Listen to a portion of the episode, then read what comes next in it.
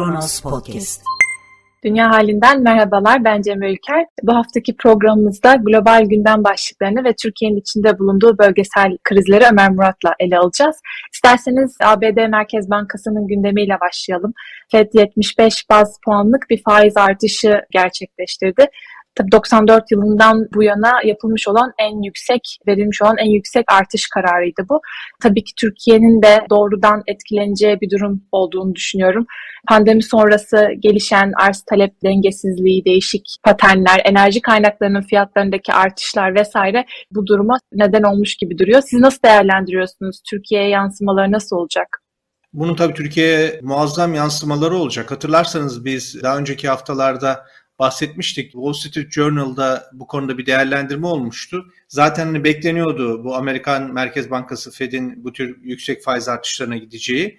Bunun daha önce tarihte bu tip yüksek faiz artışlarına gidildiğinde bunun yükselen piyasalar denilen Güney Afrika, Brezilya, Arjantin, Meksika, Endonezya ve Türkiye gibi ülkelerde mutlaka bu ülkelerin bazılarının mutlaka büyük krizlere yol açtığı ifade edildikten sonra acaba tekrar şimdi yeni bir FED faiz yükseltme dönemine giriyor. Bu hangi ülkelerde olumsuz etkiler sorusunun cevabı olarak en başta Türkiye zikrediliyordu.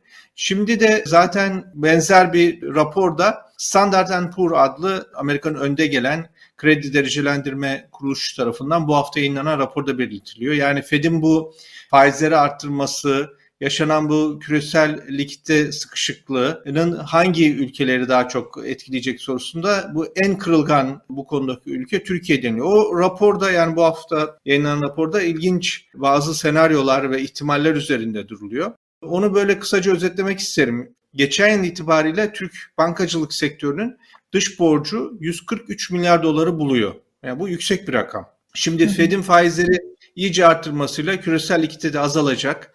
Yani küresel piyasalardan borç bulmak güçleşecek. Bu durum Türk bankaların borçlarını döndürebilmesini zorlaştıracak diyor. Yüksek enflasyon ve hükümetin öngörülemez para politikası bu riskin daha da büyümesine yol açıyor. E bunlara eklenen Rusya-Ukrayna savaşının özellikle turizm sektörü ve genel olarak yatırımcılar üzerinde olumsuz etkileri var. Türkiye enerjide dışa bağımlı bir ülke ve bu bağımlılığı azaltmak için Erdoğan 20 yıl boyunca maalesef kayda değer bir adım atamadı Erdoğan hükümetleri. E bu nedenle enerji fiyatlarındaki artış da Türk ekonomisini olumsuz etkileyecek. Raporda Türk bankalarının artık çok daha pahalıya borçlandığına da dikkat çekiliyor. Yine bir başka risk unsuru Türk bankalarındaki mevduat hesaplarının giderek artan dolarizasyonu. Bu oran 2017'de %44 iken Mayıs 2022 itibariyle %58'e çıktı. S&P yani Standard Poor's'un kısaltması diyor ki Türk halkının bankacılık sistemine olan güvenini kaybedip paralarını çekme riski var.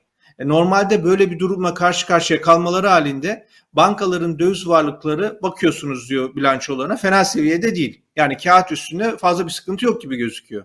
Ama Türk bankalarının döviz varlıklarının yaklaşık 76 milyar doları Merkez Bankası'nda tutuluyor.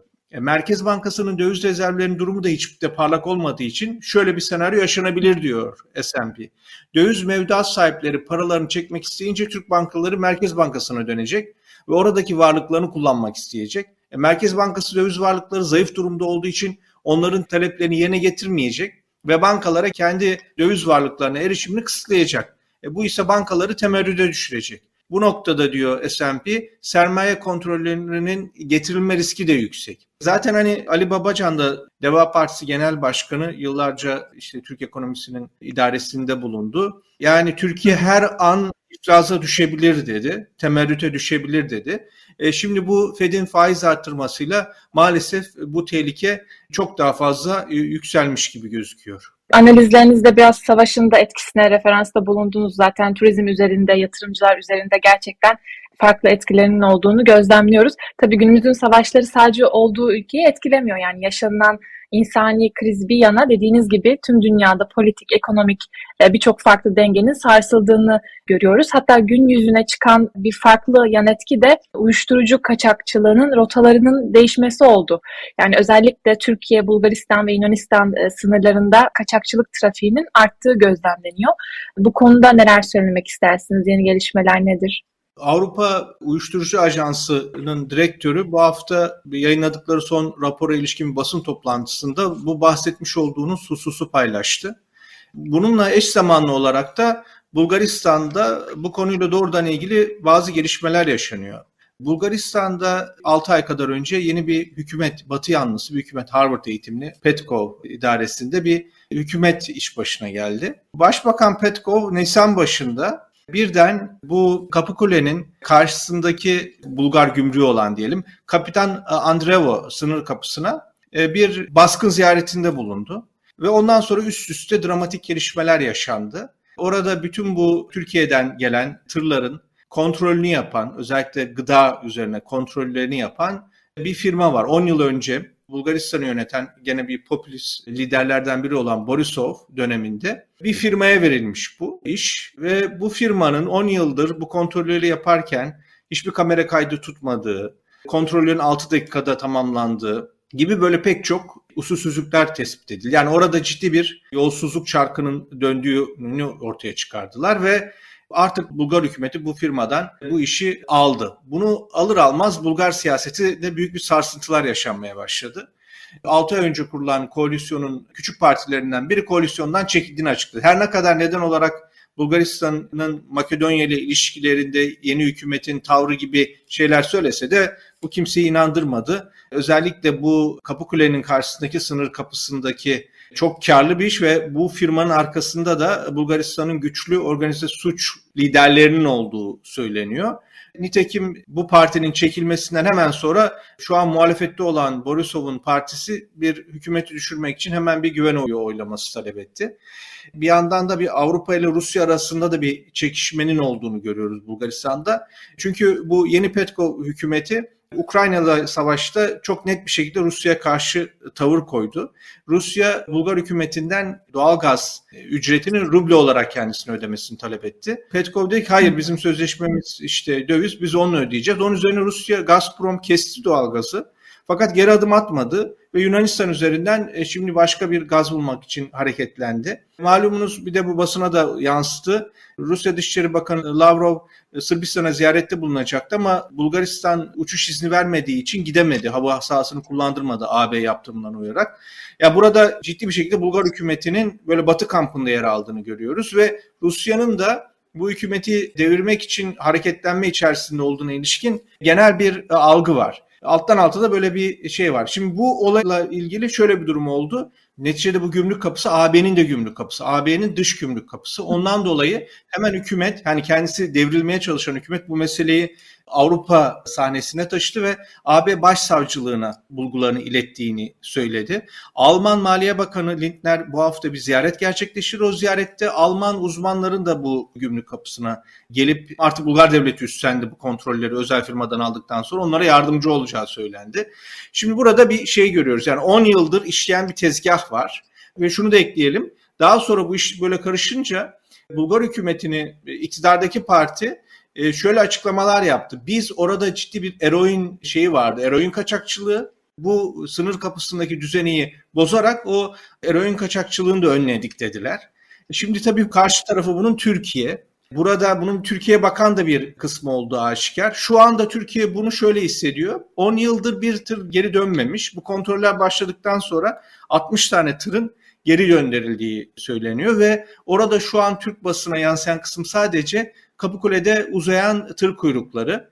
Bahsetmiş olduğunuz bu Avrupa Uyuşturucu Ajansı'nın hani bu Türkiye'nin Yunanistan ve Bulgaristan sınırlarında artık bu uyuşturucu kaçakçılığında yoğunlaşma var. Çünkü Ukrayna Savaşı dolayısıyla oradaki rota kullanılamaz hale geldi denildiğinde çok dikkat çekici olan şey şu. Türkiye'nin kendi sınırlarından nasıl gidiyor bu? Yani niye Türkiye'nin sınırlarında değil de Türkiye'nin batı sınırlarında oluyor. Sanki böyle Türkiye'nin sınırları elek gibi rahatlıkla uyuşturucu giriyor. Bu da aslında çok şaşırtıcı değil. Malumunuz Sedat Peker yani Türkiye'de iktidarla bu organize suç arasındaki ilişkiler ilişkin bayağı ifşaatlarda bulunmuştu. Sadece Sedat Peker değil bu şu an Türkiye'de maalesef özgür basın kalmadığı için bunlar yeterince işlenmedi ama 5-6 ay önce Ulus Ötesi Organize Suçlara Karşı Küresel Girişim adlı bir uluslararası sivil toplum örgütü Avrupa Birliği, Interpol ve ABD Dışişleri Bakanlığı'nın desteğiyle bir rapor yayınladı. dünyadaki organize suç örgütlerinin durumuna ilişkin. Türkiye bu raporda 193 ülke arasında organize suç oranı bakımından 12. sırada yer aldı. Aynı listede Venezuela 18. Rusya 32. sırada. Ve raporda yani şöyle diyor Türkiye'nin bir süreden beri mafya devleti olarak bilinmeye başladığı bunun bugün her zamankinden daha fazla geçerli olduğu şeklinde çarpıcı tespitler var. Yani şimdi bunun bu güzergahın, bu tezgahın bozulduğunu görüyoruz. E bunun e, nasıl ki Bulgaristan'da hükümeti sarsan yansımaları varsa bunun Türkiye kısmında da yol açacağı tesirleri beklemek gerekir. Hatta şu an yani Erdoğan'ın böyle Batı ile ilişkilerde bu kadar hırçın bir tavır takınmasının nedenlerinden birinin bu olup olmadığı üzerinde de düşünmek, bunu takip etmek gerekir artık sınırların mümkün olduğunca elimine edildiği bir dünyada yaşadığımız için savaşın işte geçen hafta da işlemiştik güvenli gıdaya erişimden tutun. Siz de analizlerinizi paylaştınız. Kaçakçılık, uyuşturucu trendlerinin değişmesine kadar farklı davranış modelleri ürettiğini görüyoruz. Hatta insan kaçakçılığı rotalarının da değişmesi söz konusu. Bu konuda Birleşmiş Milletler'de ciddi endişeleri var. Her fırsatta delegeler dile getiriyor. Evet Suriye ile devam edelim isterseniz. Amerikan basınında da yer alan bir konu başlığı e, Türkiye'nin başlatacağı bölgesel bir operasyonun şimdiye kadar gelinen noktayı yani çok tatmin olunmasa da edinilen bir istikrarın yeniden bozacağı öngörülüyor. Özellikle ABD Dışişleri Bakanlığı Sözcüsü de her fırsatta Ned Price Amerika'nın bu konuda endişeli olduğunu söylüyor, çekincelerini paylaşıyor. Tabii sürdürülebilir siyasi çözümlerin öne çıkabilmesi için mümkün olduğunca barışçıl ortamların yaratılması gerekiyor. Yani silahlı operasyonların en son seçenek olarak öngörülmesi gerekiyor. Rusya da sanırım benzer bir tutum sergiliyor. Nedir yorumlarınız sizin ne yönde? Nasıl gelişmeler bekliyoruz? Şimdi Erdoğan bu Suriye harekat düzenleneceğini ilan ettiğinden bu yana herkesin kafasında olan soru şu. Yani bununla ilgili olarak acaba ABD ve Rusya ile ilgili bir anlaşma sağlandı mı? Çünkü yani bu iki güçten biriyle hatta bence ikisiyle bir anlayış birliğine varmadan orada girişilecek her hareket çok riskli ve öngörülemez sonuçları yol açar. Malumunuz Lavrov geçen hafta Ankara'daydı asıl gündem maddelerinden birinin hani bu Türkiye'nin Suriye'ye düzenleyeceği harekata ilişkin Rusya tarafını ikna etmesi, o konuda bir anlaşma sağlanması bahsediliyordu.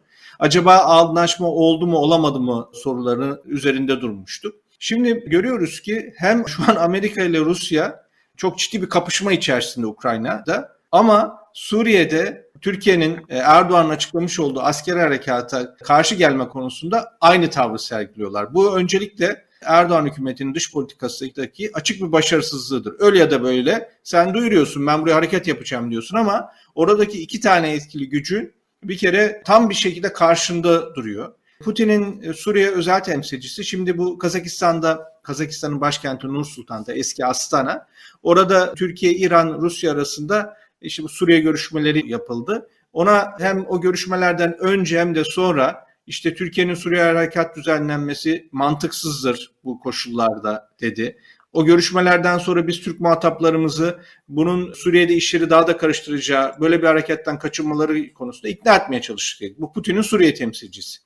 Dün de Amerika'dan bence çok kuvvetli bir bu konuda tepki geldi. Neredeyse kongrenin tüm kanatlarını ve partilerini temsil eden bir açıklamayla bu harekatın yanlış olacağı ifade edildi. Şöyle söyleyelim. Şimdi biliyor musunuz ABD Kongresi'nin iki kanadı var. Senato ve Temsilciler Meclisi. Senato'nun Dış İlişkiler Komitesi'nin başkanı, Demokrat Başkanı Menendez ve kıdemli Cumhuriyetçi senatörü ile Temsilciler Meclisi Dış İlişkiler Komitesi'nin Demokrat Başkanı ve kıdemli Cumhuriyetçi üyesi yani bu dört tane bütün kongrenin iki kanadını ve partilerini temsil eden kişi bir açıklama yaparak yani Türkiye'nin Suriye düzenleyeceği harekatın olumsuz neticeleri yol açacağı, oradaki insani dramı daha da arttıracağı, bunun yanlış olduğunu belirten yazılı bir açıklama yaptılar. Yani burada bu açıklandı. Malumuz önce böyle sanki 30 kilometre girecekmiş gibi açıkladı. Sonra bir geri adım attı. Sadece Fırat'ın batısında Terrifat ve Menbiş'ti ama şu ana kadar biz böyle bir harekatın başarılı bir şekilde düzenlenebilmesi ve Suriye'de işleri daha fazla karıştırmaması bakımından elzem olan ABD ve Rusya'nın onayının veya onlarla bir ortak zeminle varılması gibi bir durumun başarılamadığını görüyoruz. Bu böyle devam ediyor. Yani dediğiniz gibi Rusya'nın ve Amerika'nın bölgedeki varlığını ve ağırlığını gözden kaçırmak çok mümkün değil ama politikaların ne yönde ilerlediğini önümüzdeki günlerde tekrar göreceğiz, gözlemleyeceğiz. Tabii bu haftanın bir başka önemli gündemi de Cenevre'deki BM binasında Türkiye heyetinin Birleşmiş Milletler kadına karşı her türlü ayrımcılığın ortadan kaldırılması, SIDO olarak bilinen bu delegasyonla 8. raporlama görüşmesiydi. Türk delegasyonuna da Aile ve Sosyal Hizmetler Bakanı Derya Yanık başkanlık etti ve komitenin sorularını yanıtladı. Ben birkaç gözlem paylaşmak istiyorum bu toplantı serilerinden. Tabii öncelikli maddelerden bir tanesi İstanbul Sözleşmesi'nden çıkılması yönündeki karardı. SİDO komite üyeleri bu kararın hükümet tarafından yeniden gözden geçirilmesini talep edince Bakan Yanık aslında pek de insan hakları standartlarıyla bağdaşmayan bir yanıt vermiş oldu. İstanbul Sözleşmesi'ndeki bazı noktalardan yine çok detay vermeden bazı noktaların Türkiye'yi zayıflattığını, sözleşme fesih kararının da tam tersine ülkeyi güçlendirecek bir adım olduğunu söyledi. Hatta üstüne şöyle de bir ekleme yaptı. Yani bu durumun kadın hakları politikalarını hiçbir noktada etkilemediğini iddia etti. Tabii Bakan Yanık'ın bu söylemleri çok ciddi şaşkınlık yarattı. Yani uluslararası bütün insan hakları mekanizmalarına ters düşen bir söylem olmuş oldu. Hatta heyetten bir uzman eğer bizi böyle ikna etmek istiyorsanız hangi madde Türkiye için ne gibi bir gerilemeye sebebiyet veriyor? Bunu lütfen e, izah etmelisiniz dedi. Bizler durumun ne olduğunu biliyoruz dedi. Gerçekten bayağı çarpıcı tarihi bir diyalog olmuş oldu. Tabii bunun yanı sıra SİDO komitesi o hal sürecinde ihraç edilen kadın hakimlerin görevlerine iadelerinin ne durumda olduğunu da açıkçası sorguladı. Önemli bir soruydu yine. Türkiye'de kadın politikacılara, insan hakları aktivistlerine yapılan her türlü şiddetin önlenmesiyle ilgili ne gibi politikalar izleneceğine dair yine konu başlıkları vardı. Ve tabii ki Kürt kadınların yaşamış olduğu adaletsizlikler SİDO komitesince gündeme getirildi. Biliyorsunuz yaklaşık bir haftadır gözaltında olan 20 Kürt gazeteciden de 16'sı tutuklandı. Aralarında 6 tane de kadın gazeteci bulunuyor.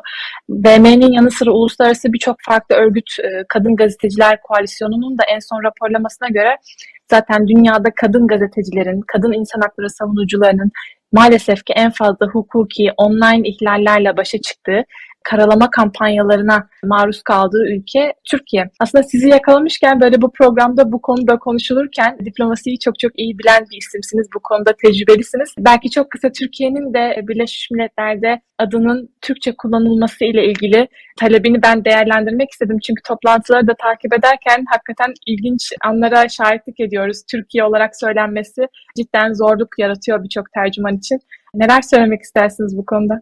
Ya bu şimdi iktidarın ekonomisi, dış politikasında ciddi bir çöküş yaşıyor. Yine işte bu bildiğimiz klasik şöven milliyetçi böyle aslında içi boş adımlarından biri. Şöyle ifade edeyim. Almanlar hiç kendilerine Alman demiyor. Almanya'nın Almanca'daki ismi Deutschland'tır. Kendilerine işte Deutsch derler. Fakat hiçbir zaman Almanlar ya bize Almanya demeyin bizim biz kendimize Deutsch diyoruz, ülkemize Deutschland diyoruz. Almanya nereden çıktı? diye böyle tepkilerde bulunmazlar. E çünkü o Türkçe'ye öyle yerleşmiş. Bunun bir tarihi var. Pek çok ülke için bu böyledir. O dilde öyle yerleşmiştir. Bunun başka bir nedeni yoktur. Şimdi bunu tabii değiştirmek de kolay değil. Mümkün de değil bence. Bu tamamen işte böyle ülkenin adı zaten Türkiye Cumhuriyeti. Bunun yabancı dildeki ifade ediliş şekli zaten Türkiye tarafından belirlenmiş değil. Bu o dilde genelde yüzyıllar boyunca Türkiye gibi köklü ülkeler için bunun bir yüzyıllar boyunca dayanan bir etkisi var. Yani Türkiye Türkiye Cumhuriyeti kurulmadan önce de bu şekilde ifade ediliyor. 19. yüzyıldaki metinlere baksanız da o şekilde yazan bir şey. Bunu böyle siz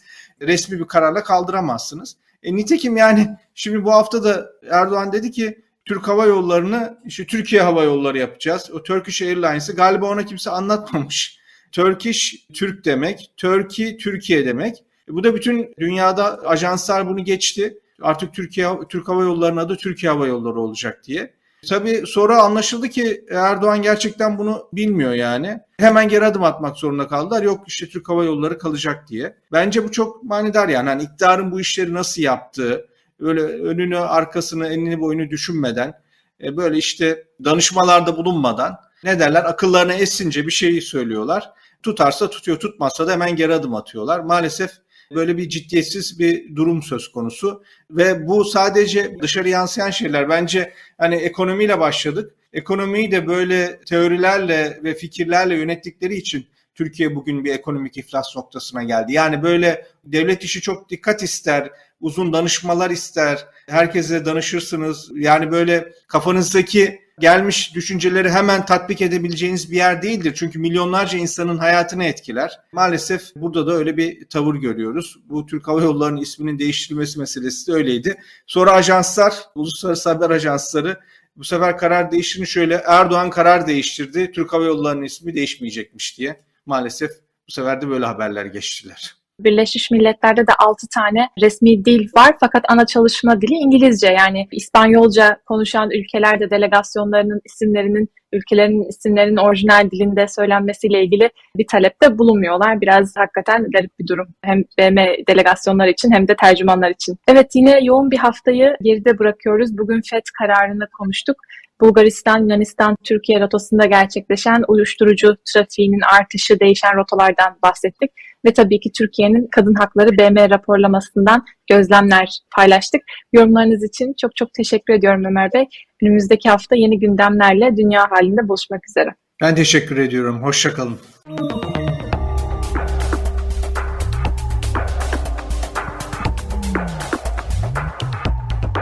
Kronos Podcast